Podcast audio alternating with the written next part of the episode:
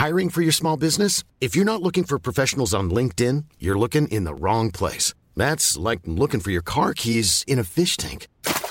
LinkedIn helps you hire professionals you can't find anywhere else, even those who aren't actively searching for a new job but might be open to the perfect role. In a given month, over 70% of LinkedIn users don't even visit other leading job sites. So start looking in the right place. With LinkedIn, you can hire professionals like a professional. Post your free job on linkedin.com slash people today. He's a hero. Wow! He's a fighter. He's a lover. Well, Melvin, you're beautiful. The good citizens love him. The fat and corrupt hate him. Kill that bastard for me. You gotta kill him. Yeah. Will he survive?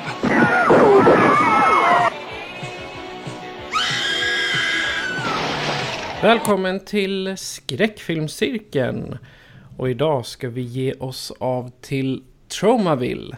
Vi ska ge oss av till en by med filmer som bara Tromaville kan bjuda på. Och redan nu så vill jag varna för våldsamma skämt. Ehm, kanske inte i den här filmen men monsterpenisar och mosade gubbar som bor ute i ett träsk. Och jag pratar såklart om Troma. Och vi ska prata om filmen Toxic Avenger. Idag. Eh, Fredrik, vad, vad är din relation till Troma? Jo, det börjar väl när de hade sin 90-tals-revival där ganska sent. Då hörde jag talas om dem för första gången. När de gjorde The Terror Firmer. Eh, och det var väl då de också började lansera sina VHS och DVD-utgåvor. Så det var ju då jag kom i kontakt med Troma för första gången. Eh, och efter det så började man liksom leta upp lite och det var ju de här stora eller ja, Troma-klassikerna egentligen som stack ut där då.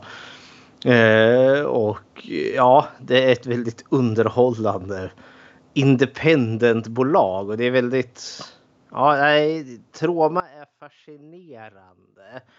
Eh, och onekligen liksom en väldigt till synes eh, antiintellektuell eh, fuck you till hela etablissemanget. Men eh, som jag anser också är ett, liksom ett fantastiskt hyllning till amatörkonsten. Så ja, eh, Troma är ett stycke liksom speciell filmmedia i som, sa, som trängs bland de här giganterna eh, ute i, ja, i Amerikas Hollywood där. Så Troma är ett fascinerande stycke. Alltså jag, jag håller med dig. Troma är verkligen den här... De, om, man- om man skulle vara en sån här filmkritiker som egentligen inte gillar den här eh, shitfesten. Som jag skulle vilja kalla Troma eh, egentligen.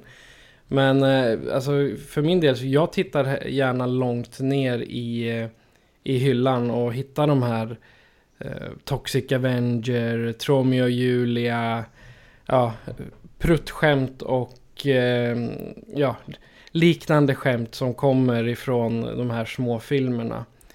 Eh, även om jag, Toxic Avenger är ju faktiskt en kultrulle som den vi ska prata om idag. Men i vanlig ordning då tänkte jag vi kanske ska prata om vad vi har sett sen sist. Mhm. Har du något att bjuda på? Det enda jag har sett här det är den här filmen Malignant utav James Wan. Eh, gjorde ju en liten specialavsnitt här tillsammans med Film till fikat och eh, Sarah of Horror. Eh, och då såg vi ju Malignant och pratade om den. James Wans senaste märkliga film.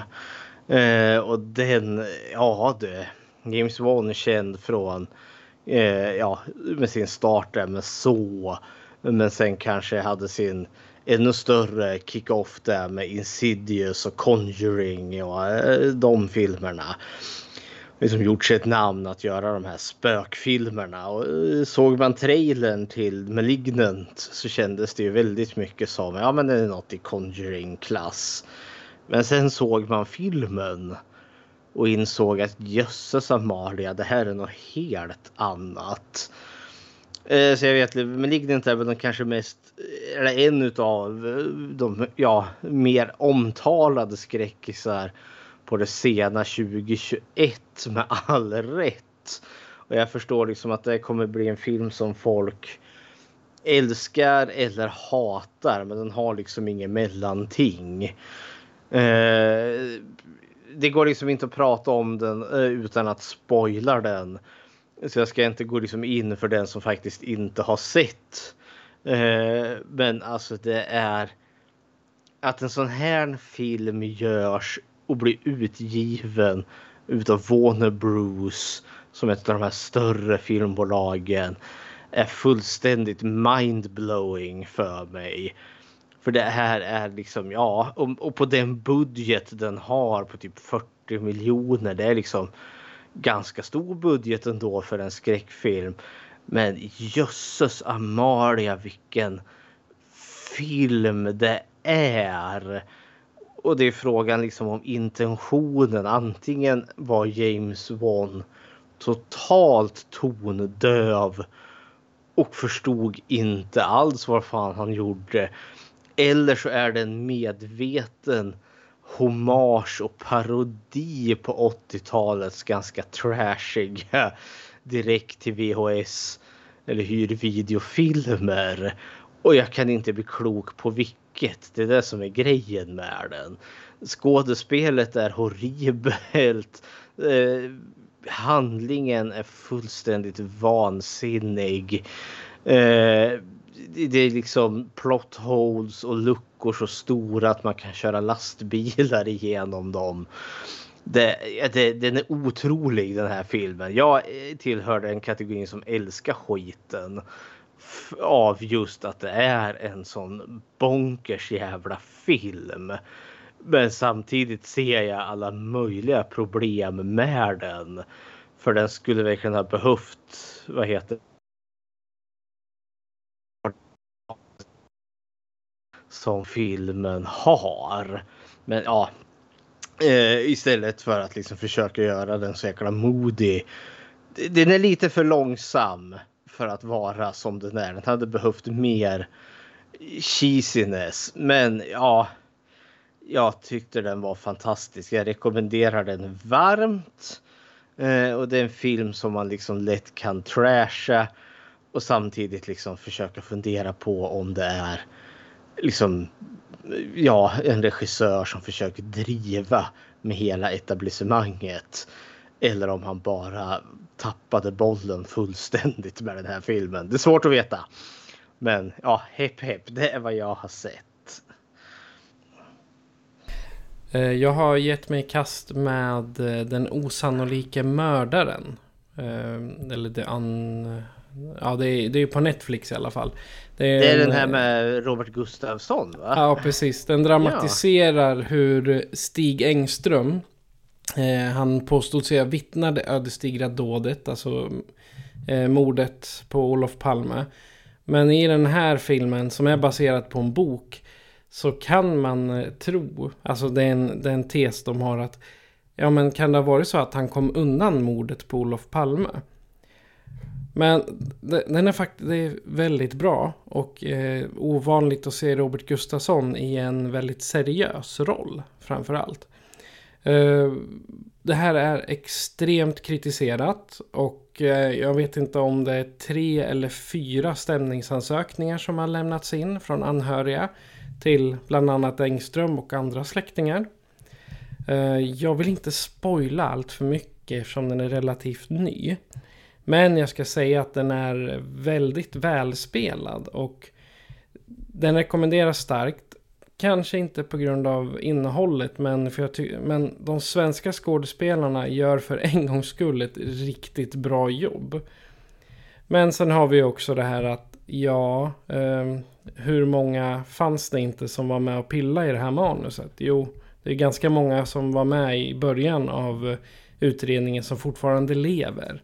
Och kan berätta att exakt så här gjorde vi, så här såg det ut och vi använde det här och vi trodde så. Men det jag gillar är att de har lyckats eh, till 95% lyckats återskapa hur Stockholm såg ut på 80-talet. Allt ifrån bilar till polisuniformer och sådär. Jag är, jag, är, jag är jättenyfiken på den osannolika mördaren. Men jag ser också hur problematisk den här tv-serien är. Eftersom att det handlar ju om mordet på Olof Palme. Och här är det ju eh, de gör ju liksom ingen hemlighet om vem som mördaren är. Det är ju Skandiamannen i den här film eller i serien. Och det är just det att eh, det här är väl liksom förtal egentligen. Eh, och det är liksom för de personer det kretsar kring är ju riktiga människor. Många av dem är ju döda nu men de har ju sina anhöriga kvar och det är de som har stämt där nu. Och, Exakt. sam- och samtidigt är jag väldigt positiv just för lite som du var inne på där att eh, jag menar Netflix kommer med sin budget och med sina möjligheter och inte är så jäkla begränsade som kanske svensk filmindustri är. För jag brukar ju många gånger tycka att jag, det är sällan jag är entusiastisk för en svensk film. Liksom, Åh, en ny svensk film. Ja, det är väl Sune del 4011 eller Kurt Wallander Bäck-klon. Eh, mordet i källarkvarten där. Nej men liksom det, man har sett all skit förr. Så svensk film det är liksom sällan någonting nytt. Men den här känns lite ny och lite fräsch. Och samtidigt är den ytterst kontroversiell och exploitativ. Det är liksom okej att göra en sån här serie. Ungefär lite likadant som jag känner inför den här Tiger King dokumentären. För jag menar, jag var på det tåget helt klart och bara tittade i häpnad eh, i säsong ett här. Nu har det kommit en säsong två utav Tiger King och jag är så jäkla skeptisk. Jag har inte sett den, men jag är så jäkla skeptisk för säsong två. Det kan inte vara något annat än ett jävla exploitation utav de här jävla galningarna på de här djurparkerna. Plus också att de här, jag menar Carol Baskin och alla andra jävla dårar där. De lär ju vara så jäkla medvetna om det nu. Så nu lär de ju liksom fläska på ännu mer och han Taigio Joe sitter i fängelse. Och de ska liksom intervjua fanskapet. Och nej, alltså det känns bara fel. Det känns fel rakt igenom. Samtidigt är jag intresserad av den osannolika mördaren som också egentligen borde vara fel rakt igenom. Så ja, shit pommes frites. Jo, det, det kan jag tänka mig. Det är väl nackdelen med sådana här eh, filmer eh, som bokstavligt talat är baserade på en verklig händelse. Och jag tror det, det, det är ju många filmer som, som det finns. Jag menar, ta eh, John Lennon-mordet finns det ju på. Det finns på, eh, vad heter han? Kennedy-mordet finns det också Ja. filmatiseringar av. Och jag menar, alltid så är det ju någon som hamnar i, i kläm och är blir utpekad liksom. Ja, och det är väl också det att som är i med, vad heter han nu, Skandiamannen där. Där är det Mm. ju liksom att det finns misstanke om att han kan ha mördat Palme. Och här gör man ju svart på vitt att det är han som är mördaren. Ja. Så, och samtidigt är det också baserat på en, på en bok. eh, Där man då utgick från att det var han. Och boken är väl fiktiv egentligen. Den är fiktiv på det sättet att handlingen är påhittad. Men karaktärerna är ju riktiga personer. Ja, ursprungligen. Så, Heppeli hepp. Ja, nej, vi, vi får väl vara hyfsat eh, överens om att eh, filmatisering av verkliga händelser, det är problematiskt. Ja. Du frågade ju mig om min relation till trauma. Hur eh, ramlade du in då? Din relation, när sprang du på trauma för första gången? Alltså absolut första gången jag ramlade in på trauma, det var... ironiskt nog en film som jag trodde vi skulle ha till idag. Det vill säga Romeo och Julia. Det är liksom, det var min, det, det var första filmen jag ramlade över. Jag hade sett Troma eh, förut, eh, mest på YouTube. Men där är det så pissusel kvalitet eh, oftast. Men jag har sett det på YouTube, lite klipp så här, från bland annat Toxic Avenger och så. Så ramlade jag över Tromeo och Juliet på en loppis. Mhm. Och sen var jag ju hooked. För det, som, som alla som har lyssnat från första början vet så gillar jag shitfest vad det gäller skräckfilmer. Och så just eh, Tromeo och Julia, det, det, det var den som jag fastnade. Sen har det liksom fortsatt eh, med eh, Troma-filmerna. Och så exempelvis nu när vi kollar på Toxic Avenger i, eh, i skräckfilmscirkeln. Då var det, man satt bara och njöt. Det är liksom, det här är bättre än Don't Go Into the Woods Alone. Till och med. Ja, jo, men det, det, det, det är det liksom för att om man nu ska säga så kvalitetsmässigt så har åtminstone som Toxic eller Tromeo och Julia de är något, de är mer kompetenta och mer medvetna än vad Don't Go Into the Woods Alone är. Definitivt. Ja, men då när vi ändå pratar om trauma så vet jag att du har lite fakta om det. Ja, inte så mycket, men vi kan ta lite basic fakta. Alltså Troma eller Troma Entertainment som de heter är ju ett independent filmbolag eh, som bildades 1974 utav Lloyd Kaufman och Michael Hertz. Eh, och eh, det som är imponerande med Troma är att de fortfarande finns aktiva idag. Så de är, de är mer än 40 år nu som independent filmskapare.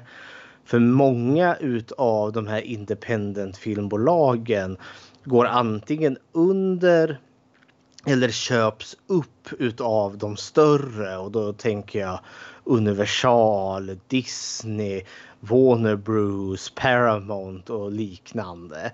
Eh, men och eh, när ett litet bolag blir uppköpt av ett större. Visst, de får ju, eh, man får väl en jäkla massa pengar, men man förlorar ju också den kreativa friheten. För nu är det ju någon annan som håller i rodret så att säga. Men Troma har fortsatt att liksom producera och hjälpa ja, väldigt små filmer egentligen och små filmskapare. Eh, och början eh, är, för man tänker Troma, eller ja, när Troma brukar komma till fart, då är det ju filmer så som säg Toxic Avenger, Tromeo och Julia. Det är liksom det är blod, det är kiss och bajs, det är liksom monstersnopp monstersnoppar. Det är liksom det mest vansinniga egentligen. Men de började inte riktigt så. De började ganska oseriöst helt klart. Eh, men då var det liksom mer så lättsinniga eh, ja, tidiga liksom sexkomedier. Eh, som typ en film som heter Squeeze Play eller Stuck on You. Eh, och någon film som heter Waitress bland annat som stack ut. Och det var liksom filmer typ i samma anda som Porky's eller dåtidens American Pie fast liksom på 70-talet. Men det var väldigt mycket eh, liksom fokus på komedi och lättsinthet. Det är, liksom, det är ganska glada filmer. Eh, de gjorde liksom mer annat också såklart. För Lloyd Kaufman, han är väl kanske den mest prominente utav de här. Alltså de två grundarna, Kaufman och Hertz. Han är ju den som har varit väldigt mycket ansiktet utåt. Eh, och det är han som också har regisserat bland de, liksom, de största framgångsrika filmerna. Och han är ju väldigt mycket av en spexgubbe och har liksom inga som helst problem med att liksom ja, fula ut sig, skämma ut sig. För han tycker ju det här är jätteroligt. Han är ju som en dåtida William, eller som en nutida William Castle. Han som gjorde de här House on the Haunted Hill och The Tingler och liknande filmer. Han var ju väldigt mycket för att liksom spexa och göra det. Medan Kaufman är samma sak fast på mycket mer plump nivå. Jag menar han har inga som helst problem med liksom att eh, filma en scen där han liksom har inte vet jag, kvinnliga underkläder på sig och en dildo utstickandes ur munnen eller något sånt där medan han skjuter eh, AK5 ut upp i luften. Så han, han är väldigt liksom out there och har väldigt liksom väldigt, väldigt liksom eh, Eh, roligt sinne för humor men han eh, liksom har inga som helst problem med att fula ut sig själv och skämma ut sig själv. Han i sin tur hade också en väldigt stor inspiration från 50-talets de här B-monsterfilmerna. Och då snackar vi verkligen alltså filmer som The Wasp Woman. Där vi verkligen har liksom en jättestor bårdgeting med en kvinnas huvud och nej. Eller typ the, the Attack of the Crab Monster, Invasion of the Saucermen, The Untamed Women. Alltså dåtidens billigt, billigt skräp i stort sett. Eh, det som eh, också eh, Troma gjorde var väl liksom att de köpte upp en hel del alltså egenproducerade filmer eh, och liksom kunde ja och köpte upp liksom rättigheterna till dem så de kunde visa dem. Så de, de har ju också liksom en tillgång till en hel del filmer som de inte har gjort men som de har liksom hjälpt att distribuera. Men redan 2080 eh, så kom de att eh, vara delaktiga i alla fall Eh, en eh, liksom mer grindhouse kultklassiker och det är den här filmen Mother's Day från 1980 som jag för mig att det var Lloyd Kaufmans bror som gjorde. Eh, som är då en ganska Ja, den, den har lite tangen kik, lite humor är det ju, men den har också ett ganska seriöst liksom våldskapital. För det handlar ju liksom om tre kvinnor där då som är ute på en rolig semester eller weekend och så råkar de ju komma för nära eh, en, eh, ett hus där. Det, det är lite Motorsågsmassakern-vibbar. Men där då eh, matriarken, kvinnan i hushållet där, hon har två söner som är helt sjuka i huvudet. Och nu är det ju mors dag och då ska ju hon firas och det ska ju firas med att de här tre kvinnorna ska tillfångatas och sen ska de förnedras och våldtas och mördas. Eh, och sen är det ju de kvinnorna som överlever som vänder på steken och hämnas på den här vansinniga familjen. Eh, det här var ju liksom fulkultur tyckte liksom kritikerna. Eh, men det är ändå liksom ganska påkostat för att liksom vara idolt am amatörer. Men här tänker jag också får man också en liten början över liksom när trauma börjar liksom gå in lite i skräckterritoriet och liksom mer det här exploitativa. Eh, det fanns ju redan innan i med vad heter det, sexkomedierna. Eh, men Mother's Day är ju liksom inte laugh out rolig så som Toxic är. Utan där är ju faktiskt våldet och förnedringen stundom ganska otäckt. Men sen kommer ju den stora hitten. Och det är ju då The Toxic Avenger från 1984. Eh, tio år efter att de skapade eh, vad heter det, Trauma Entertainment. Och den är ju den som Lloyd Kaufman själv har regisserat och det är väl också lite kanske vad kan man säga, under de här tio års erfarenheten de har fått så har de liksom lyckats lärt sig lite. Och The Toxic Avenger den får ju också mer in, eller ja, åtminstone större framgångar i eh, ja, runt omkring Amerika och även lite internationellt. Som den här jättefåniga liksom superhjälte teaterfilm, komedi eller vad man nu kan kalla det. Att Eh, och sen var det ju också just för att folk vart ju också upprörda för våldet är ganska så rejält i den här filmen. Men här sätter de också den här tonen. De lyckas ju också liksom producera en film på väldigt liten budget som varit väldigt uppskattad eh, och som bara cashade in pengar. Och där satte lite tonen vad Troma sen skulle bli. För deras andra greatest hits är ju då The Class of Newcomb High 1986. Om vad som händer när man Eh, ja, vad är det, någon skola tjänar lite extra pengar med att förvara vad är det, giftigt avfall i källaren från något kärnkraftsverk. och då råkar mm, eleverna mutera där. Jag har för mig att den här är också en sån som, som Kaufman själv har varit med i. Men sen har vi filmer som The Surf Nazis Must Die. Surfnazisterna måste dö. Från 1987. Som är ju då någon form av efter den stora apokalypsen. När samhället har gått under. Eh, så styrs liksom ja, samhällena utav rivaliserande surfgäng. Och de värsta av dem alla är ju då surfnazisterna. Eh, och sen mördar ju de då fel person. Eh, eller ja, de mördar en person vars eh, arga mormor sätter efter de här och hon ska ju ta livet av dem allihopa.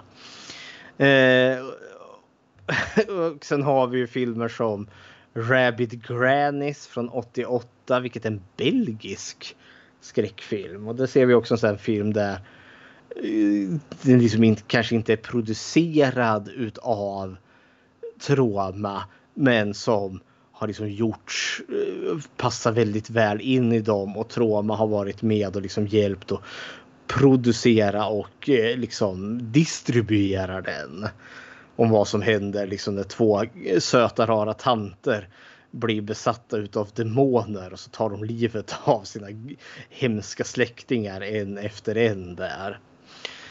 Eh, sen 1990 har vi väl en sån här relativt stor en eh, som heter då The Sergeant Kabuki Man. Som egentligen är egentligen ett form av försök att liksom skapa en ny form av Toxic Avenger. För här har du ju då en ny form av ja, vad heter det, krig, brottsbekämpande superhjälte. Fast i form av då Sergeant Kabuki Man som då en snut fast i Kabuki utstyrsel. Eh, och sen eh, 91 till 93 så försökte de göra, eller gjorde de, en tv-serie tecknad för barn, The Toxic Crusader. Kom lite i kölvattnet utav Teenage Mutant Ninja Turtles.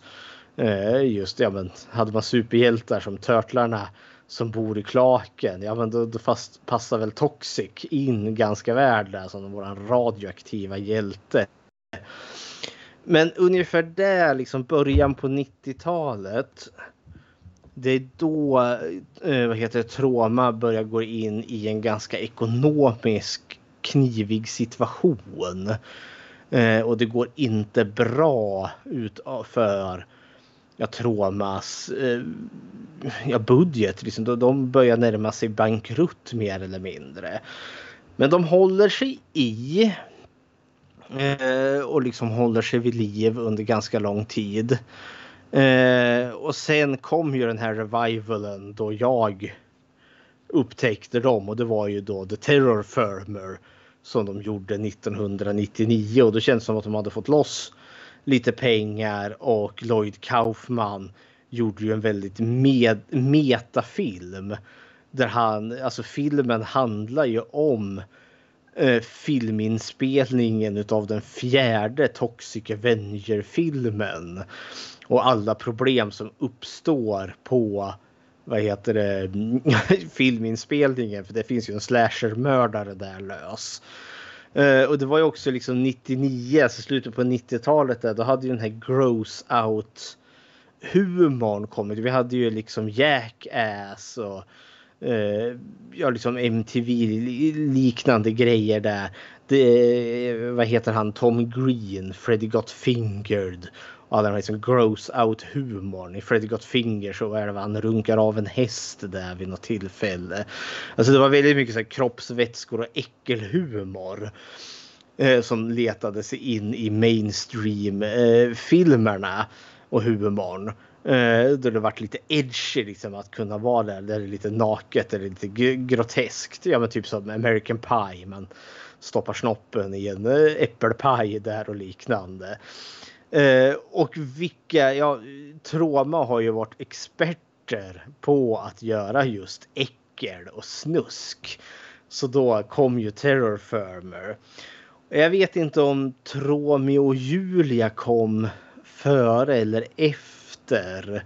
Men jag för mig att det är någonstans där i kölvattnet utav det. Ja, den kom 97. Ja, jag ser det. Då var den före trots allt. Ja, den är Så ju det... också, alltså det är ju en eh, mer en, en mjuk porrkomedi, eller vad man ska säga. Med splatter i. Ja, exakt. Ja. Ungefär den, den kvaliteten.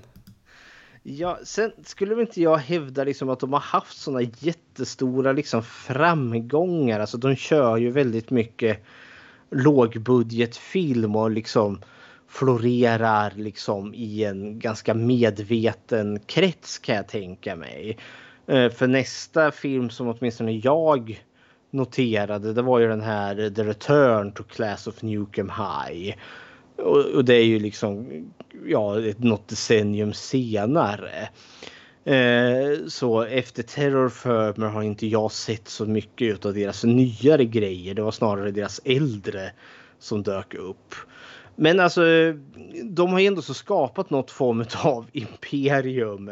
Eh, och det är ju Traumaville eh, som det kallas i New Jersey där. Och grejen också att de har ju ganska stor repertoar utav lågbudgetfilmer som de antingen har producerat eller hjälpt eller liksom fått rättigheterna till. Och allt, tro, allt trauma har gjort är ju inte, eller som vars trauma har sitt namn kopplat till, är ju inte liksom snusk och eh, blod och eh, kiss och bajshumor. Exempelvis den här filmen My Dinner with Andrew är ju liksom en av de genuint liksom bra filmerna filmer som har gjorts. Och den har ju inte Troma liksom varit med och gjort. Men den har blivit distribuerad genom dem till, eh, till en början. Och sen har vi liksom när den liksom varit liksom större och liksom mer erkänd och älskad. Då har ju den liksom köpts loss från Troma. Men de har ju liksom varit med ändå så med och distribuerat. Exempelvis den här filmen Bloody Mama utav som Roger Corman gjorde. Eh, den finns med nu i den här boken 1001 filmer du ska se innan du dör. Som då är då en filmatisering av den eh, ja, eh, Ma Baker som då var en aut autentisk kriminell person under ja, 20-talets Amerika. Men som då för sin egen samtid, 60-talet, ansågs nej men det här är ganska trashy. Och sen kunde Troma köpa upp rättigheterna och distribuera den. Sen hittade den väl sin publik och folk insåg att det här är ganska bra ändå. Alltså, så alltså har man ju köpt loss den från Troma i slutändan där. Och det är det som är grejen. Alltså Troma har liksom. De har liksom funnits där. Där folk har liksom varit amatörer. Där liksom där folk har startat. Så det finns ju lite kändisar som har liksom en grund där man liksom kan hitta dem i en form av Troma-produktion eller en film som har distribuerats utav Troma. Exempelvis Robert De Niro. Han finns med i en film som Brian De Palma regisserade. Den heter The Wedding Party. Som är då liksom en komedi och han har väl en väldigt liten roll. Men det har ändå så liksom Tromas stämpel på den. Kevin Costner finns med i Sizzling Beach USA. Där han finns med och det är också en Troma-rulle. Samuel Jackson har en väldigt tidig eh, liksom roll i en Troma-film som heter Death by Temptation. Och Billy Bob Thornton Eh, finns med i den här Chopper Chicks in Zombie Town. gemensamt med alla de här filmerna, det är ingenting som Troma har liksom producerat själv utan det är sådana filmer som de har köpt upp och liksom hjälpt distribuera. Men de finns med där med Troma-loggan och du kan ju tro fan på att Troma har liksom eh, vad heter det, marknadsfört det där ganska rejält. Som den här filmen Death by Temptation. När de gav ut den där eh, med Revival med Terror Firmer. Då är det en stor jävla bild på honom och hans namn är liksom störst. Och han har liksom bara en jäkla cameo där han spelar någon knäpp präst som kommer in och börjar yla och mässa liksom i en mardrömsscen. Han är med, jag tror liksom 15 sekunder i hela filmen. Men han är med där ändå. Självklart liksom marknadsför de det enormt. ja, kära någon. Men man ska det casha kanske... in på största kändisen. Man ska ju det. Eh, men det är liksom vad kan man, om man nu ska sammanfatta Troma, det är liksom det av amatörer för amatörer. Lloyd Kaufman gav ju ut både en bok, jag tror boken hette What I learned, I learned, uh, Eh, I learned everything about filmmaking doing the Toxic Avenger. Och han gjorde en DVD-serie om hur du gör din egen film, make your own damn movie.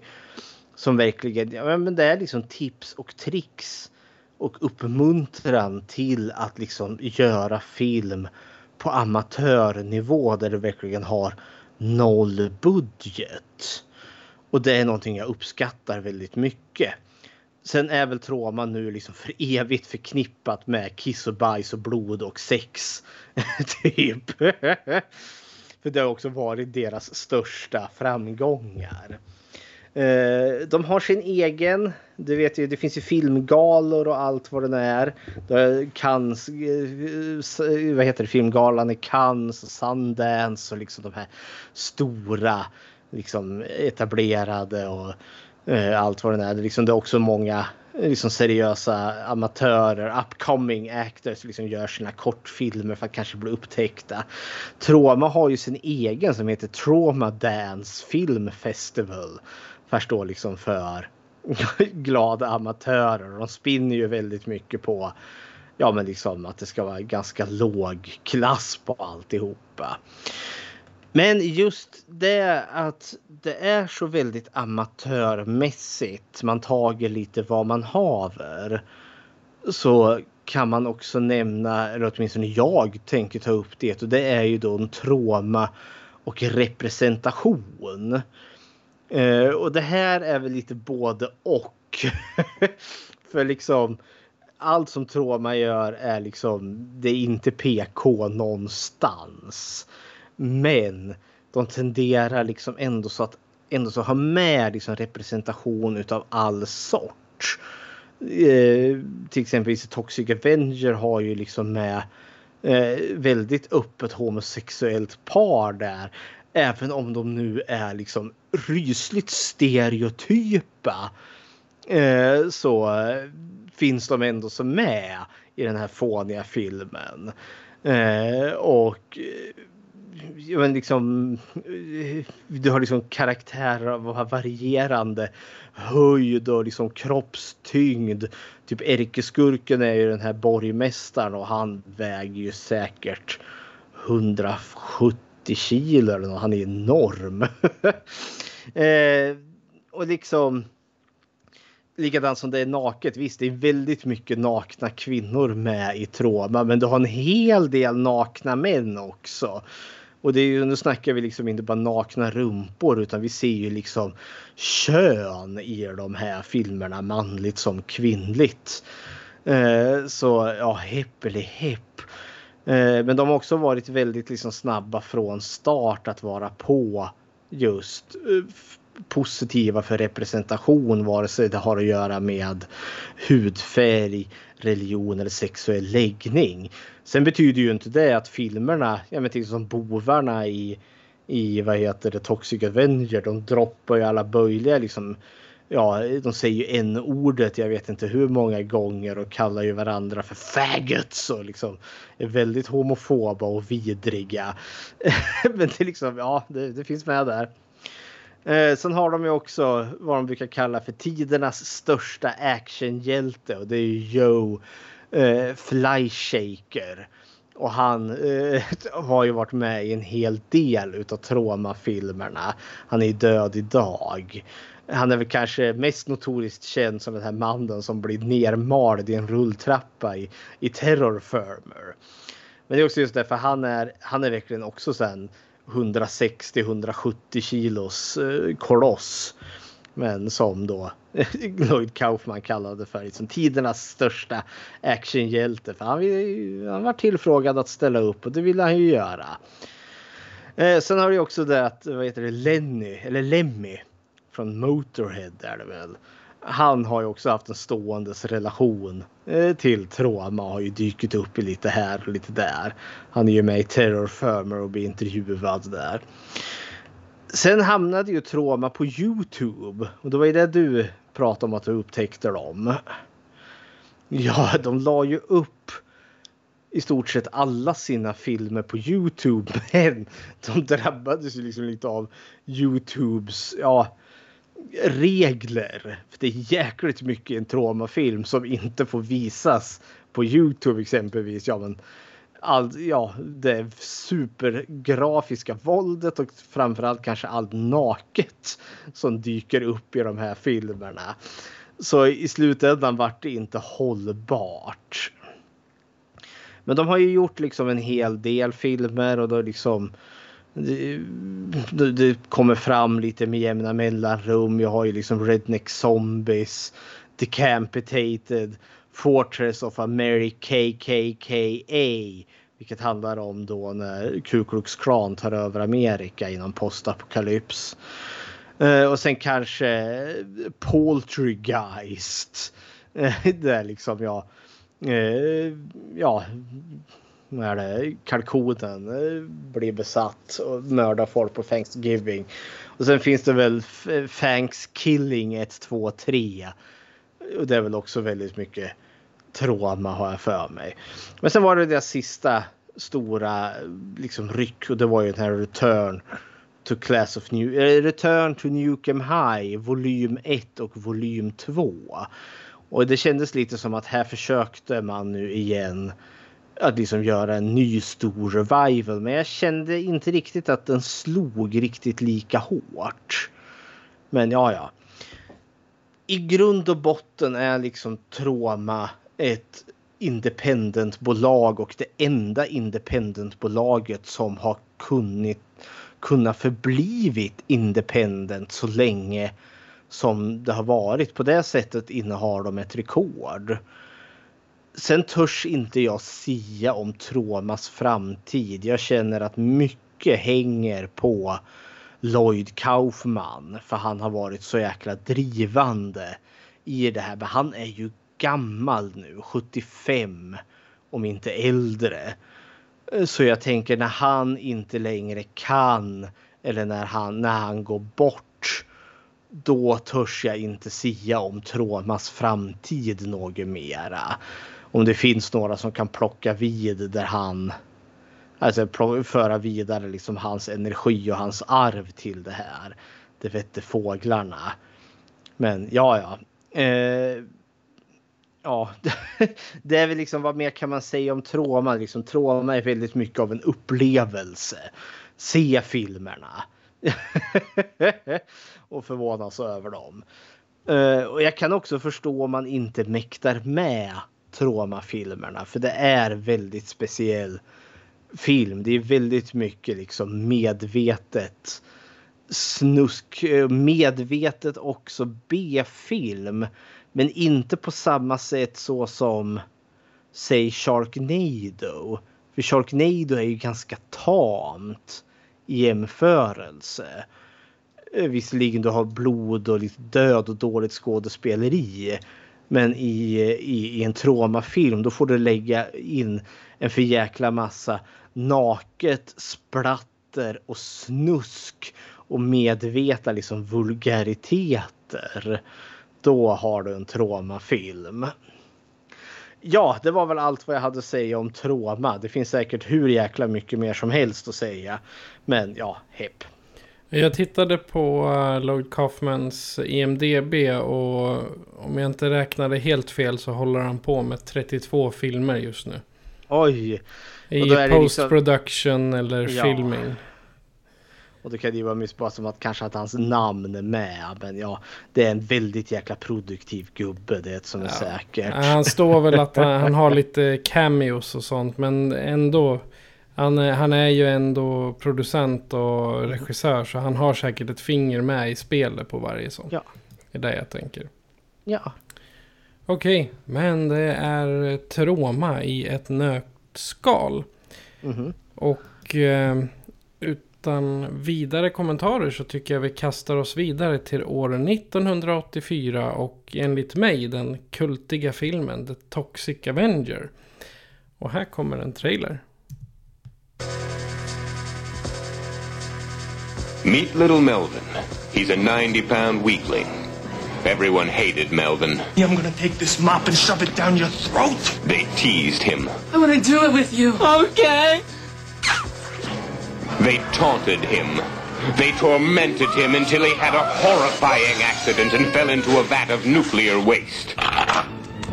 Transforming little Melvin into a hideously deformed creature of superhuman size and strength. Melvin became the Toxic Avenger. The first superhero born out of nuclear waste. Yes, the muggers and the rapists didn't know what law and order was until the Toxic Avenger came to town. Holy shit! I don't know what it was, but it saved my life. All right, everybody, drop your tacos or I'll blow your brains out. The vandals and the perverts had their way with the little people of Tromaville until the Toxic Avenger ripped them Normally, being a little extra can be a bit much, but when it comes to healthcare, it pays to be extra. And United Healthcare makes it easy with Health Protector Guard fixed indemnity insurance plans. Underwritten by Golden Rule Insurance Company, they supplement your primary plan, helping you manage out of pocket costs without the usual requirements and restrictions like deductibles and enrollment periods. So when it comes to covering your medical bills, you can feel good about being a little extra. Visit uh1.com to find the Health Protector Guard plan for you. Burrow is a furniture company known for timeless design and thoughtful construction and free shipping, and that extends to their outdoor collection. Their outdoor furniture is built to withstand the elements, featuring rust-proof stainless steel hardware, weather-ready teak, and quick-dry foam cushions. For Memorial Day, get 15% off your Burrow purchase at burrow.com slash ACAST and up to 25% off outdoor. That's up to 25% off outdoor furniture at burrow.com slash ACAST. Ärkenörden Melvin flyger ut genom ett fönster och landar i en tunna med radioaktivt avfall. Men istället för att dö absorberar Melvin de dödliga kemikalierna och förvandlas till Toxic Avenger, en rättskaffens mutant. Det är alltså plotten till Toxic Avenger från 1984. Eh, Fredrik, vad är dina initiala tankar? Den här filmen såg ju jag efter eh, jag såg Terror Firmer där. Eh, och eh, det, det här eh, det var ju ett blast. Eh, kommer jag ihåg när man såg den här. Det är liksom fullt med vulgariteter. Det är fullt med splatter. Det är liksom, ja det är medvetet camping men på ett förvånansvärt professionellt sätt. Liksom, det är en väldigt kompetent B-amatörfilm. Men nu när jag ser om den här så jag tycker det här är hysteriskt underhållande. Eh, och eh, jag förstår liksom att den här liksom också slog ner som en bomb när den kom. För den är liksom så medvetet oseriös men gjord på ett seriöst sätt. Man förstår liksom inte att det, man förstår att det är kompetent folk bakom kameran som ändå så har haft en form av vision. Alltså Lloyd Kaufmans humor kommer igenom här. Det är liksom inte bara trams för trams skull. Det finns liksom en regissörtanke här. Och så är det då gjort med liksom idolt, liksom amatörskådespelare som alla spelar över något så fruktansvärt. Vilket sätter tonen i hela den här filmen. För ibland har man ju jag, menar, jag, jag, jag drar till exempel Gudfadern 3. Där väl där regissörens dotter spelar med där och har en ganska stor roll. Och hon är så pissdålig i sitt skådespel. När hon ska liksom spela mot Al Pacino som är liksom en A-listad skådespelare. Och det bara förstör hela filmen. Här har vi ett gäng liksom C-skådespelare som alla spelar över något så fruktansvärt. Och det funkar jättebra. Det gör filmen helt fantastisk för tonen är på den här helt oseriösa bonkersnivån hela tiden. Eh, och det funkar fantastiskt. Jag tycker det här är ett blast eh, och det är inte en sån här. Det är inte en film som är så dålig så den är bra. Utan den är faktiskt bara genuint bra. Vi snackar inte Don't Go Into The Woods Alone. För den filmskaparen var ju fan inte medveten om vad det var för film han gjort. Det är ett mästerverk. Det har jag sagt hela tiden. Mög, det var det eh, Men eh, det är väl det som också är skillnaden liksom att, att de vet vad de gör här. Eh, och det är fantastiskt kul. Och det är fantastiskt vulgärt. Och de liksom tar ut svängarna som inte, ja, samtidens 84 liksom storfilmer kunde göra. För nu, nu är det ju verkligen liksom, ja, barn får sitt huvud överkörda utav en bil där och bara ligger och sprattlar i dödsspasmer.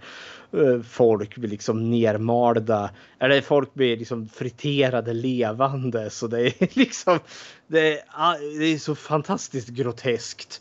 Men hela tiden på en icke otäck nivå. För övervåldet är enormt.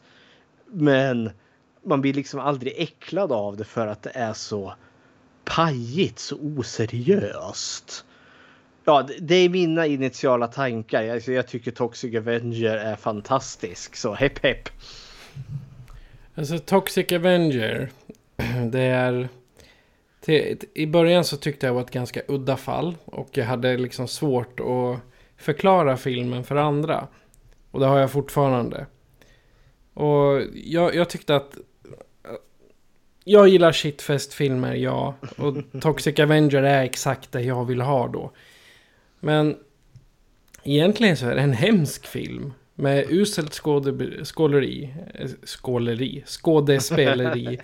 En eh, ganska knasig historia och jag... Alltså hade, hade den här kommit på Facebook-dagarna och någon hade delat den som Titta vilken bra ny film. Då hade det liksom varit 2000 kommentarer där eh, minst hälften av dem är kränkta kommentarer. Så det här, alltså det är en film som... Ja... Det, den hittar hur många och produktiv, eh, kreativa sätt att eh, kränka en människa. Och jag läste en, en recension, det var något så här... Eh, Toxic Avenger har fler sätt att kränka människor än många av John Waters filmer. Ja, det är Pink Flamingo-människa. Men ja, nej. Exakt. men jag tycker nog säga att John Waters är nog lite värre. Men jag kan, jag kan verkligen nu när, de, när man namedroppade John Waters. Ja, jag kan se. För han är ju lite före Troma här med sin Pink Flamingo. Och jag kan se att Troma spann vidare därifrån.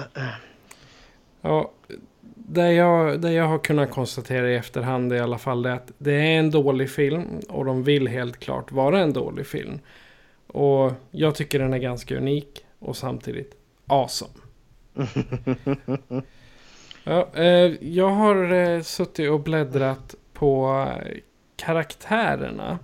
Och jag kan liksom inte hitta någon som man kan relatera till mer än Sarah och eh, The Toxic Avenger.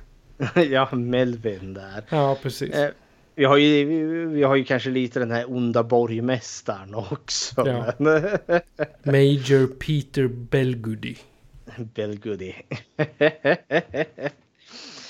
ja, kära någon. Men vi Men jag, börjar tror med... näst, jag, Ja, jag tror nästan att eh, större delen av den här diskussionen kommer röra sig om deras relation till varandra. Mer än om personen i sig. Ja.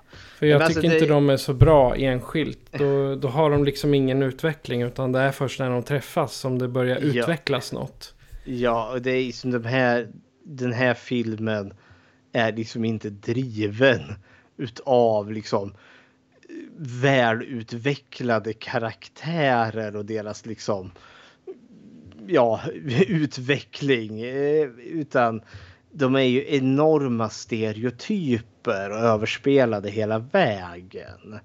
Vi, vi kan ju börja med våran eh, ja, titelhjälten här, The Toxic Avenger. Melvin där då som är någon form av ärketunt. Eh, som arbetar som moppojke, the, the mop boy. På något, vad är det, Tok, eh, nej, Tromaville Health and Fitness. Liksom någon form av gymlokal där liksom alla människor håller liksom på och tränar häcken av sig. Och det var det jag gillade med det här med vad jag kallade för trauma och representation. Eh, för du har ju liksom väldigt mycket liksom olika karaktärer. Vi har ju liksom eh, Eh, den stora feta tjejen som liksom istället för att lyfta hantlar så lyfter de typ chokladkakor till ansiktet, liksom till munnen hela tiden.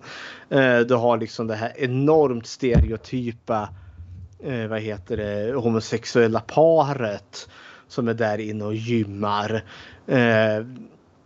Och, så har du liksom gangstrarna där som är helt vansinniga som också är där och gymmar. Och det är liksom allting liksom kokas ner i liksom en enda stor liksom hodgepodge, en liksom vansinnig jävla kittel där.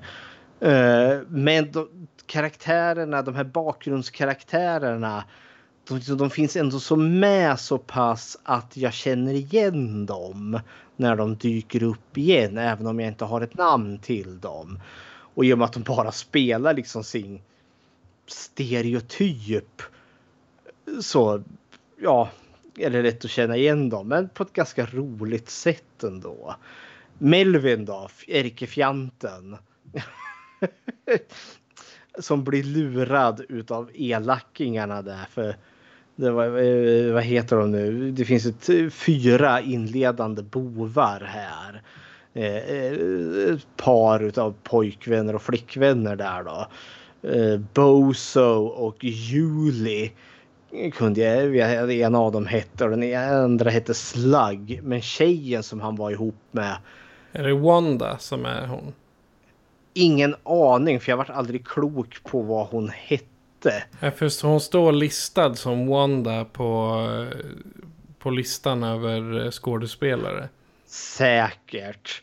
För det är ju de ledaren för det här skurkgänget. För det visar sig att de är ju, vad är det? The hit and run serial killers. De är ute och roar sig om nätterna med att köra över folk med sin bil där då. Eh, och för han Bozo eh, är så överspänd och så överstressad. Han sitter där i bubbelpoolen och bara skriker så fort han ser Melvin. För att Melvin är så jävla ful och så jävla töntig. Hur understår han sig att gå omkring där och bara le hela tiden? det är liksom så en helt ofantligt överdriven reaktion. Och hans flickvän Julie som bara hänger på honom hela tiden. Liksom sådär. Åh nej usch vad han är äcklig och vidrig. De beslutar ju sig för att spela ett elakt spratt med Melvin för de står inte ut eh, med att Melvin existerar. Melvins brott är att han finns ungefär. Och då förför Julie honom med att lura honom med att eh, de ska, ha att, att de ska liksom ha sex där då. Och får honom att klä upp sig. Vad är det? I en rosa och grönprickig ballerinaklänning är det väl. Och så ska han ta med sig golvmoppen och så ska de ha sex i mörkret där. Och så hittar hon och hon står där och lockar till sig honom. Och det är mörkt och så tänds ljuset och så visar det sig att det är ett får som de har målat upp som han håller på och hånglar. Och så står alla där i, i eh, vad heter det, ja eh, gymmet där och skrattar åt honom och han flyr i panik i skammen där och de jagar efter, pekar finger och skrattar. Eh, och sen det är då han hoppar ut genom fönstret och så av en helt fantastisk slump så har ju vad är det? Trauma wheel eh, cleaning. Eh, eller de som ska köra iväg the toxic eh, waste kärnavfallet som ska dumpas här. De har ju stannat precis utanför för att ta ett litet kokainpaus. Så de sitter där verkligen och snortar vitt pulver liksom ur sig ja, tre liters påsar. De är helt vita i ansiktet.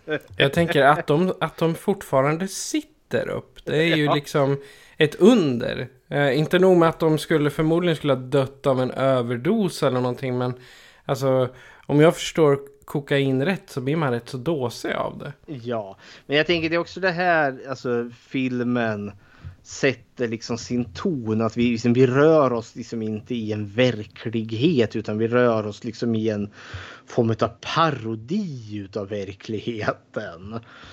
Men stackars Melvin ramlar ju ner där och så kommer istället för att hjälpa honom så springer de ut och pekar och skrattar åt honom medan han håller på och smälter där. Och sen tar han eld och springer därifrån, springer hem till mamma som är lite bekymrad där liksom. Står och knackar på toadörren. Åh Melvin, vad är det som händer? Och sen liksom förvandlas han så han blir ju toxig, han blir ju jättestor där.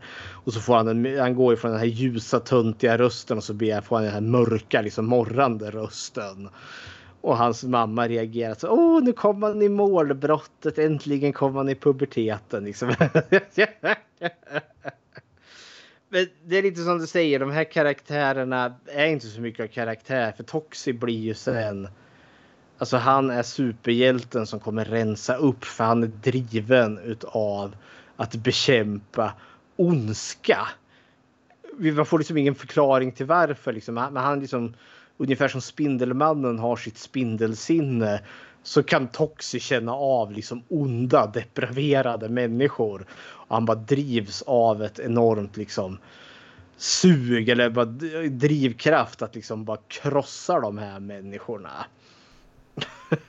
Jag tittade på, på en av de här skådespelarna, Robert Pritchard. Det är han som spelar Slug. Och så mm. jag kollar på hans filmografi. Han har liksom bara traumafilmer.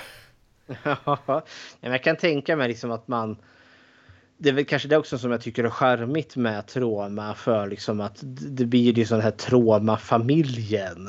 Så även om inte de här liksom, de kommer kanske inte slå så stort och internationellt så har man ändå så fått gjort en jäkla massa film. Och det är väl harka tillbaka lite varför jag gillar trauma att de har gett liksom möjligheten till folk som inte riktigt har haft möjligheterna. Ja, ja nu bara nördar jag iväg. Men vad, vad har du för tankar kring Toxi? Våran superhjälte här. Alltså han är en hjälte. Visst, han, han, men det, det är som du säger. Han börjar som typ mobboffret. Och som eh, goes eh, cray cray eller får ett bett eller någonting. Och då tänker jag typ som Stålmannen. Han är ju också ett eh, mobboffer i skolan. Och då, tänker jag på Smallville. De håller på att jävlas med honom. Och sen har vi eh, Spindelmannen som är... Eh, eh, han är väl eh, fotograf på skoltidningen. Och de slår sönder kameran för han och han, han, är ju, han, är ju, han är ju Erike Tunten där också. Ja, precis. Och sen jag, jag försöker tänka på någon mer som inte är eh, någon så här jätte... Eh, jo, jag, jag, jag kunde inte komma på några andra eh, superhjältar som är sån här tunt på dagen och superhjälte på kvällen. Jag kommer att tänka på Kick-Ass filmen om du har sett Jaha, den. Jaha, ja, jag har sett för han är... Ja. Han är lite samma som Toxic Avenger. Det är, alltså, det är samma känsla. Han eh, får någon, eh, jag tror blixten slår ner igen eller någonting och bränner av alla smärtnerver på honom. Så han blir den här eh, superhjälten. Och ja, nej, det, jag, jag, jag gillar det där med Toxi. Han, han är lite så som jag skulle vara om jag fick superkrafter. och det är också det här att lite som i Kick-Ass där liksom lösningen på på att liksom bekämpa brott. Det görs liksom med ultravåld. Det är inte Spindelmannen där eller Batman som liksom visst de, de slåss men de dödar aldrig. Att liksom mörda någon det är Toxis första lösning på problemet i stort sett. Men det är därför trauma är så extremt liksom. De går ju snäppet längre. Och spelar över. Och det är också det här parodivåldet nästan. För det är ju som de här skurkarna som... För i stort sett i en stor majoritet av den här filmen är ju liksom ett random brott sker. Eh, skurkarna gör någonting elakt. Sen kommer Toxi in och bara mördar dem stenhårt. Eh, sen precis när, de rå, när tacobaren blir rånad. Det är där han möter den här blinda tjejen. Eh, Sarah som blir hans kärleksintresse sen. Ja, men det är liksom en av skurkarna där sliter han ju armen av bokstavligen vid axeln och så kan liksom slå han i ansiktet med den. Eh, liksom, och sen när han är klar med att banka upp skurkarna så tar han ju den här medvetslösa mannen och stoppar in han i pizzaugnen så han liksom brinner upp där. Eh, men det är också det här våldet är chockerande även om det är liksom fånigt för bovarna där. De mördar ju Sarahs hund, hennes blindhund.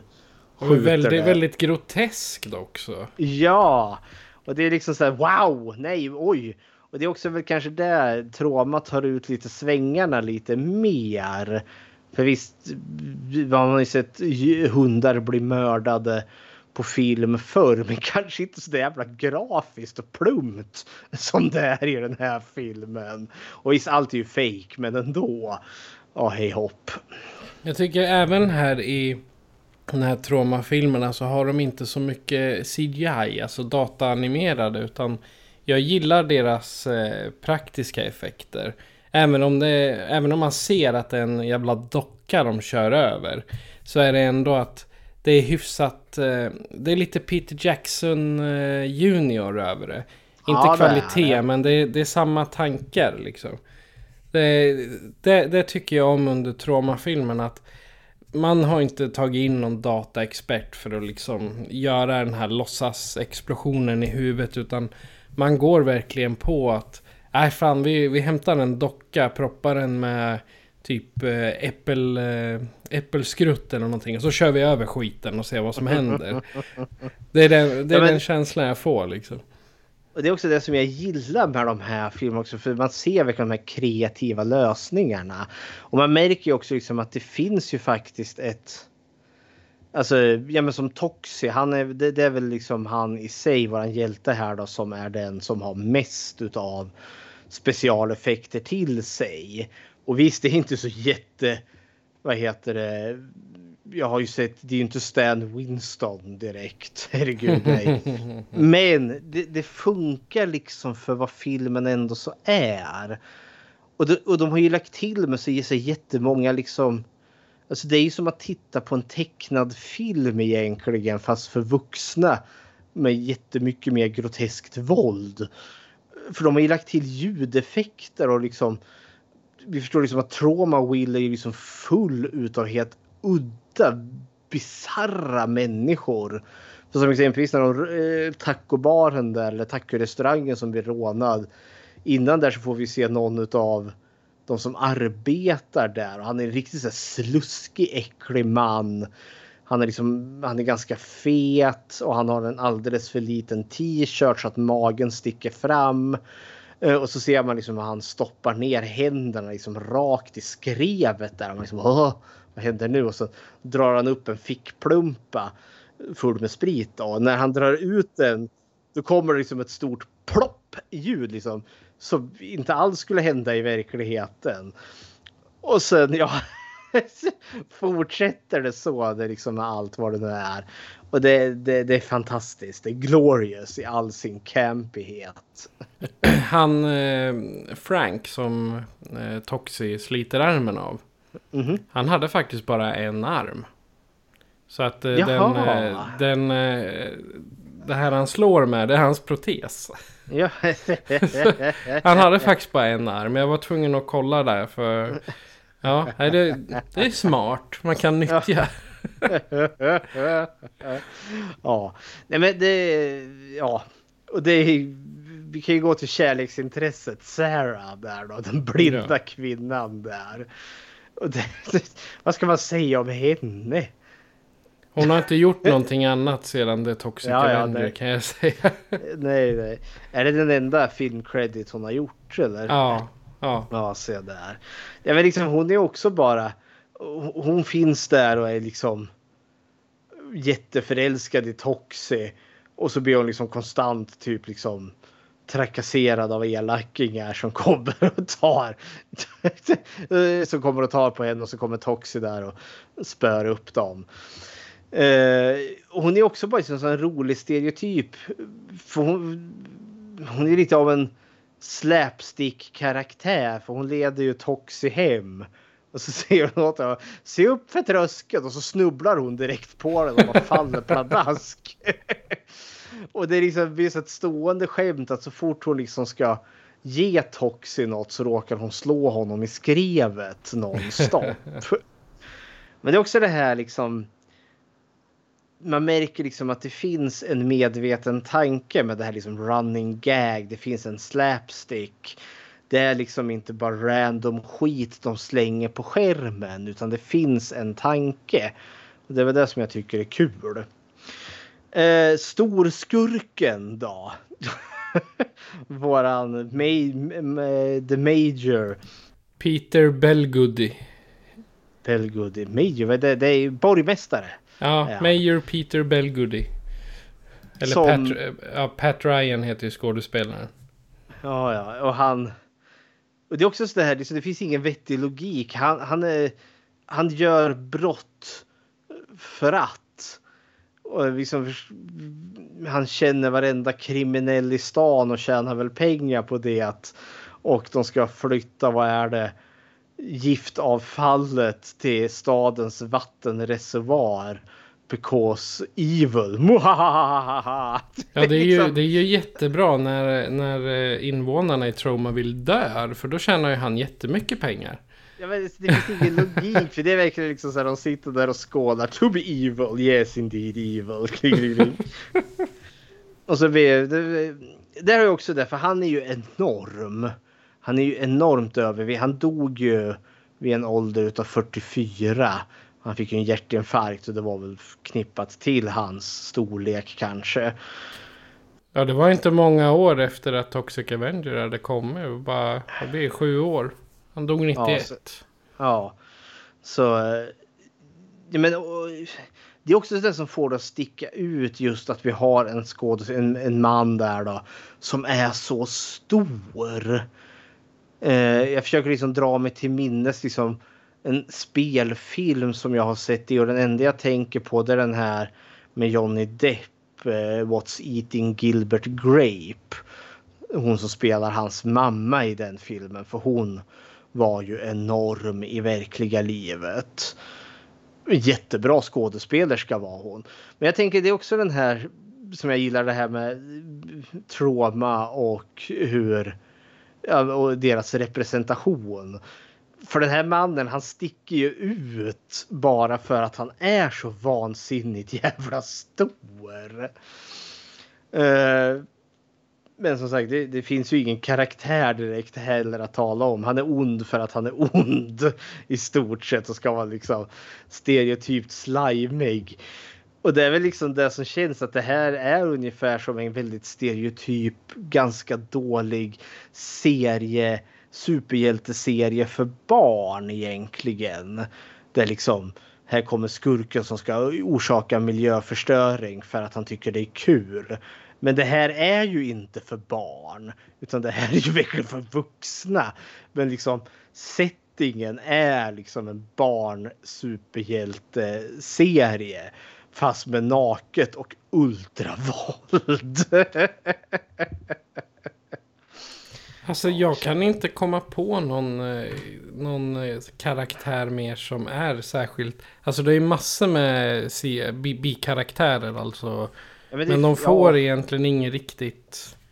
Boom. Ja, men det, det, det är lite så slapstick. Alltså, jag- satt och tänkte nu när jag såg den här igen att den påminde lite om typ som de här Titta vi flyger, Nakna pistolen parodifilmer.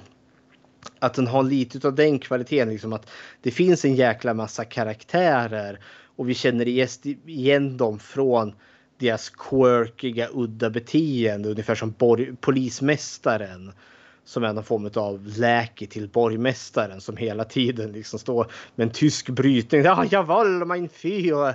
Och liksom heilar till Hitler det med jämna mellanrum. Och liksom, det är liksom så man känner igen den karaktären för liksom att han är i hemlighet liksom nazist. Och bara suger upp till borgmästaren för han liksom är så våldsamt förälskad i auktoritet han behöver en Führer. Det här. Jag kommer att tänka på det när du berättade om olika eh, traumafilmer. Då tänkte jag Nazi surfers. Tänker jag de åker där ute och, och surfar och så heilar ute på havet. I bruna baddräkter. Jajamensan. Nej men alltså.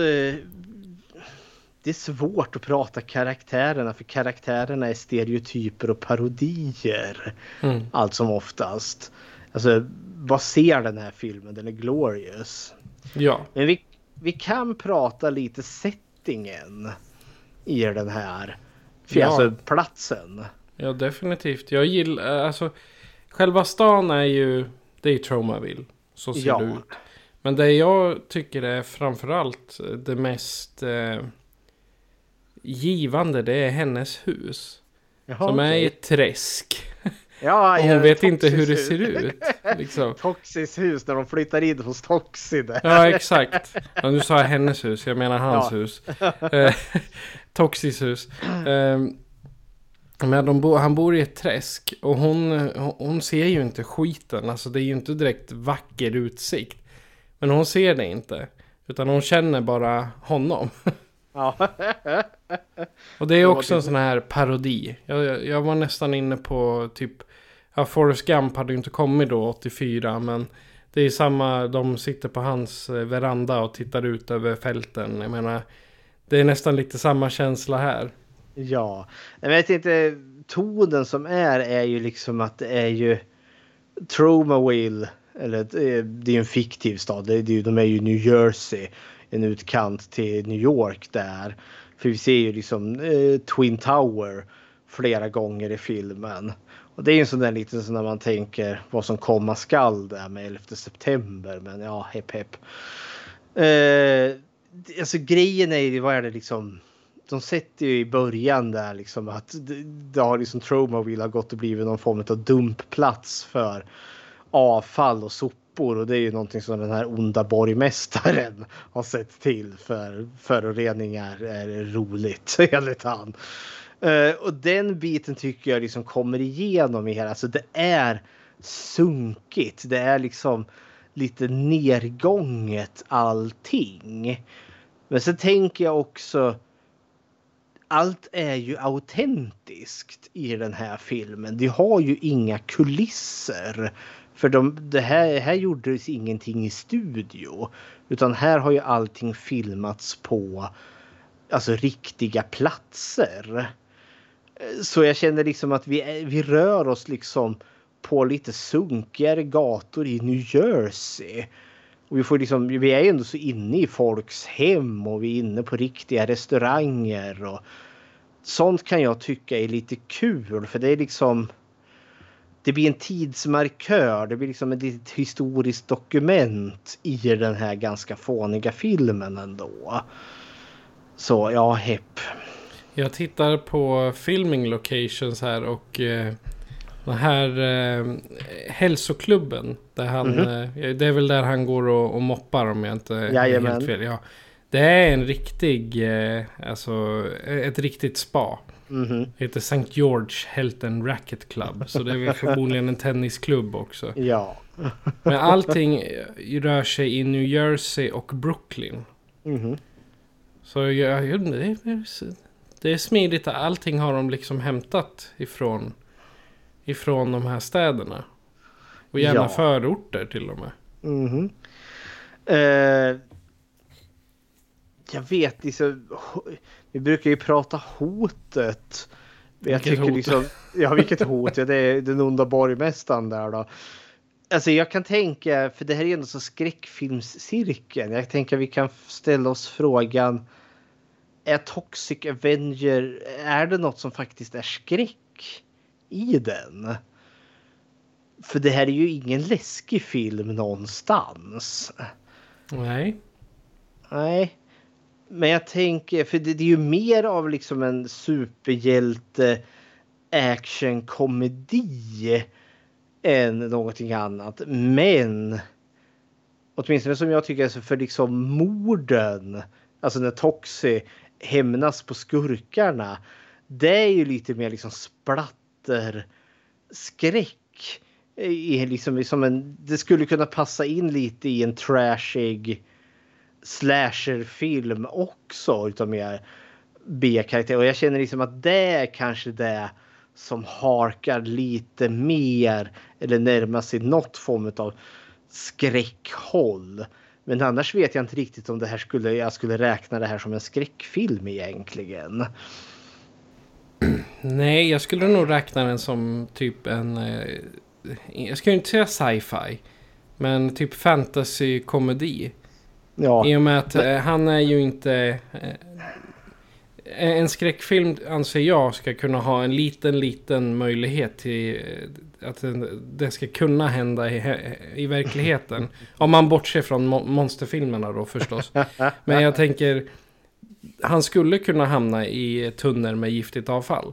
Det Ja, ja, är det ju är så. sant. Men sen, han hamnar i tunnor, resköp och så han, har han liksom halva ansiktet har runnit av. Men han är li, lik förbaskat levande. Och för min del så blir det nästan lite som Sp- Spiderman. Alltså han blir biten av en spindel och så blir han superhjälte. Det är också lite sci-fi tycker jag. Ja, och jag tänker också i, i en annan... Hade vi haft liksom en mer ja, medioker skräckfilm då hade ju Toxi varit den som var hotet. Han hade ju muterat där och blivit monstret som söker hämnd. Och det är han ju mycket riktigt. Han söker ju hämnd, men just de som han söker hämnd på är ju så överdrivet vidriga i det där. Så de är ju nattsvart parodi-onda. Det är liksom karaktärer som mördar barn för, shit, för the shits and giggles. Ja, kära värld. Ja. Den här, alltså Toxic Avenger är väldigt... Den är väldigt lätt att se. Ärligt Mm. talat. Jag tänker vi kanske kommer in på eh, slutliga tankarna här Ja.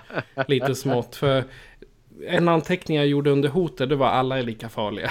Alla är lika farliga. Det är fan Traumaville en fullständigt livsfarlig stad. Du kan bli mördad och våldtagen när som helst. Så jag menar, ja, Toxi behövdes här för att rensa upp bland patrasket. Jag tänker så att Traumaville, där är det så här överfullt med punkare, mobbare, sociopater, monster. Jag menar man... Där, du, du ser människor som får sparkar. Det, vi, vad vi har glömt att säga är att den här filmen är extremt PK. Anti-PK. Förlåt, den är inte PK. Den är absolut inte politiskt korrekt. Då pratar vi om att folk försöker våldta en blind flicka och Mhm. skjuta hennes eh, servicehund. Och avslick, avsiktligt köra över barn. Och så backa Jajamensan. tillbaka och göra det igen för att göra så att de verkligen är döda. Ja, det är väl liksom en av de kvinnliga skurkarna här. Hon sitter ju och de fotograferar ju det här barnet som de har kört över. Och så har de en polaroidkamera och hon sitter ju och onanerar i bastun där sen. till de här bilderna. För att hon liksom blir så exalterad. Sen kommer ju Toxi och eh, vad heter det, grillar henne på eh, bastustenarna där sen. Ja, kära värld. Ja, det, det är liksom...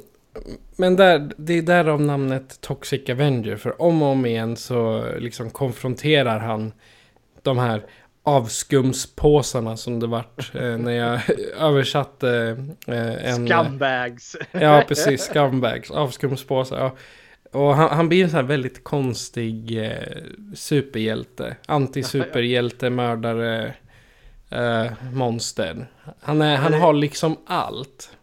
Ja, men det är också det han existerar ju så jävla bisarr värld. Exempelvis var det en scen när han står och bara pissar i en gränd. Så kommer det ju fram en limousin och ur limousinen så är det ju en pimp där. Och så haha! Jag har småbarn här som jag försöker prostituera. Är du sugen på lite barnsex där? Och Toxi mördar ju honom ögonen bums. så det är liksom hoppsan, vad är det för jäkla vansinnig värld vi rör oss i? Åh, oh, kära värld. Det är också, det finns liksom ingen ras, ingen politik eller person som inte diskrimineras i den här filmen. Och jag menar, det finns ingen, alltså ingen kommer undan. Men jag tycker också att det är väldigt charmigt och kränkande det sättet de ja. gör det på.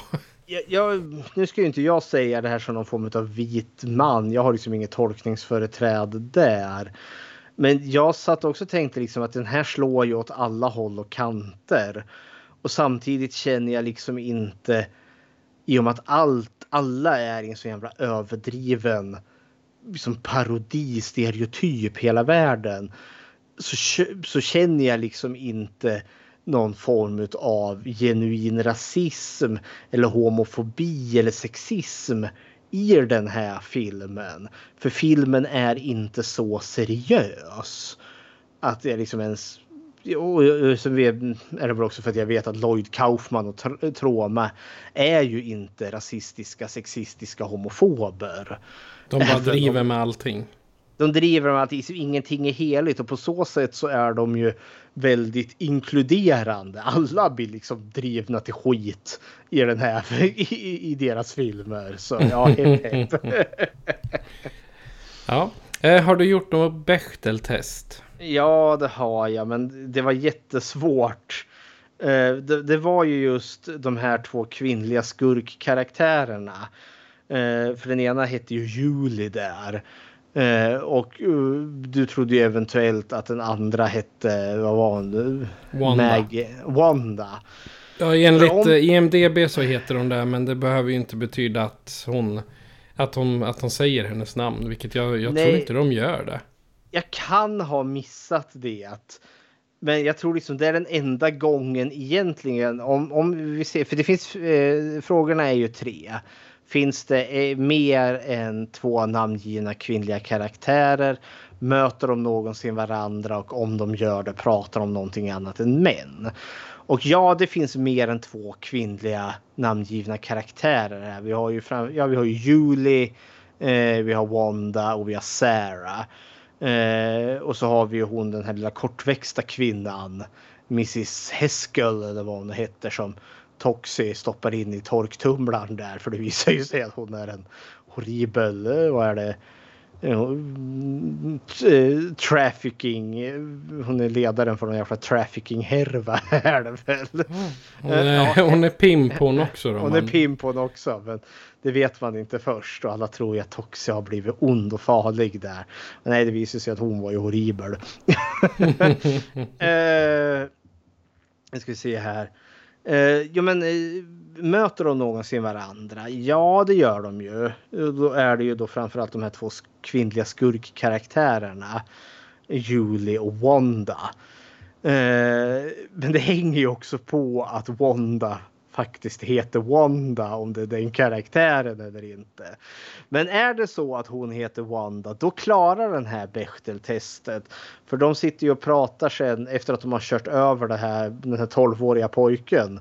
Så är de, springer de ju ut och fotograferar hans lik och de bara oh, det är så sexigt med, med blodet där. Och liksom de talar över hur exalterade de är över att se ett dött barn där som de har precis kört över med sin bil. Och heter den karaktären Wanda, ja men då, då, då klarar den här filmen Bechteltestet. Men heter hon inte det, då klarar den här inte Bechteltestet. Så den här är väl den första filmen där vi med säkerhet inte kan säga att den här klarar Bechteltestet. Den kanske klarar Bechteltestet. Hurra! då, då, då får den en sån här. När vi inte okay. vet. Ett krossat glas där. Ja, ja precis. Det kan vara en champagneflaska som man inviger ett, en båt med. Det kan också bara vara vi tappade flaskan.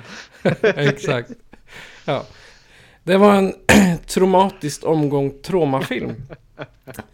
Men om ni som lyssnare då vill se mera trauma, färre trauma eller eh, tycker att vi, trauma är eh, uselt. Eller så vill ni bara säga hej.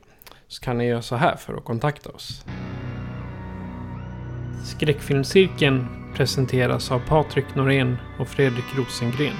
Produktion FPN Productions. Besök skräckfilmscirkeln.com för att hitta var du kan lyssna på oss, hur du kan stödja oss och hur du kan kontakta oss. Vill du diskutera filmerna i avsnitten är du välkommen att gå med i gruppen Skräckfilmscirkeln Eftersnack på Facebook. Tack för att du lyssnar.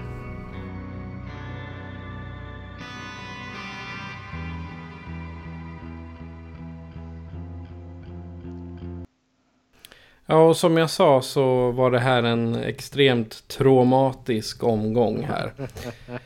um, så det blir inte traumatiskt nästa gång. Vad får vi njuta av då? Vi närmar oss vintertider här. Nu går vi ju in i december. Uh, så jag tänker att vi ska ta en titt lite på julen där. Så vi ska ta en titt på den klassiska eh, proto-slasher-filmen Black Christmas från 1974 så ska vi ta en titt lite på julskräckfilmer tänkte jag. It comes from inside the house. Oh nej! ja. ja, det var allt för idag. Eh, jag ska återgå till min soffa för jag har varit förkyld i tre dagar. Och jag hoppas på att bli frisk. Jag hoppas inte att smitta dig nu över eh, Skype här. Det är, det är grejen att jag kände ju att jag håller ju på att bli sjuk. Jag har ju något i kroppen känner jag. Så jag känner jag går, jag, just nu så går jag igång, eller håller jag mig uppe här på lite värktabletter. Så, men ja, hepp hepp. Ah, ja. Men eh, vi ska avsluta med eh, eh, temat till The Toxic Avenger faktiskt, tänkte jag.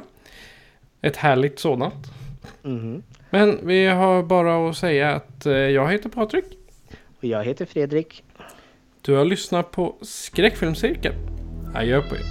Adjöken.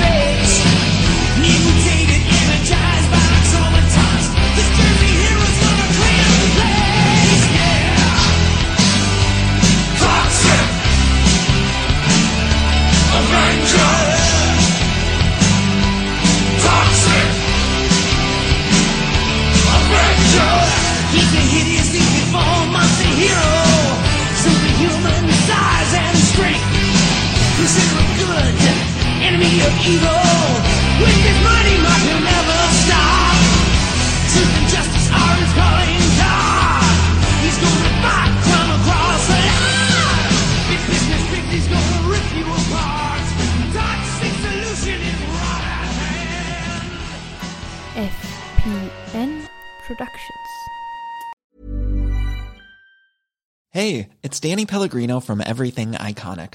Ready to upgrade your style game without blowing your budget? Check out Quince. They've got all the good stuff shirts and polos, activewear, and fine leather goods, all at 50 to 80% less than other high end brands.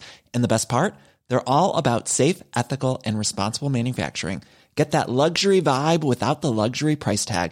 Hit up quince.com slash upgrade for free shipping and 365 day returns on your next order. That's quince.com slash upgrade.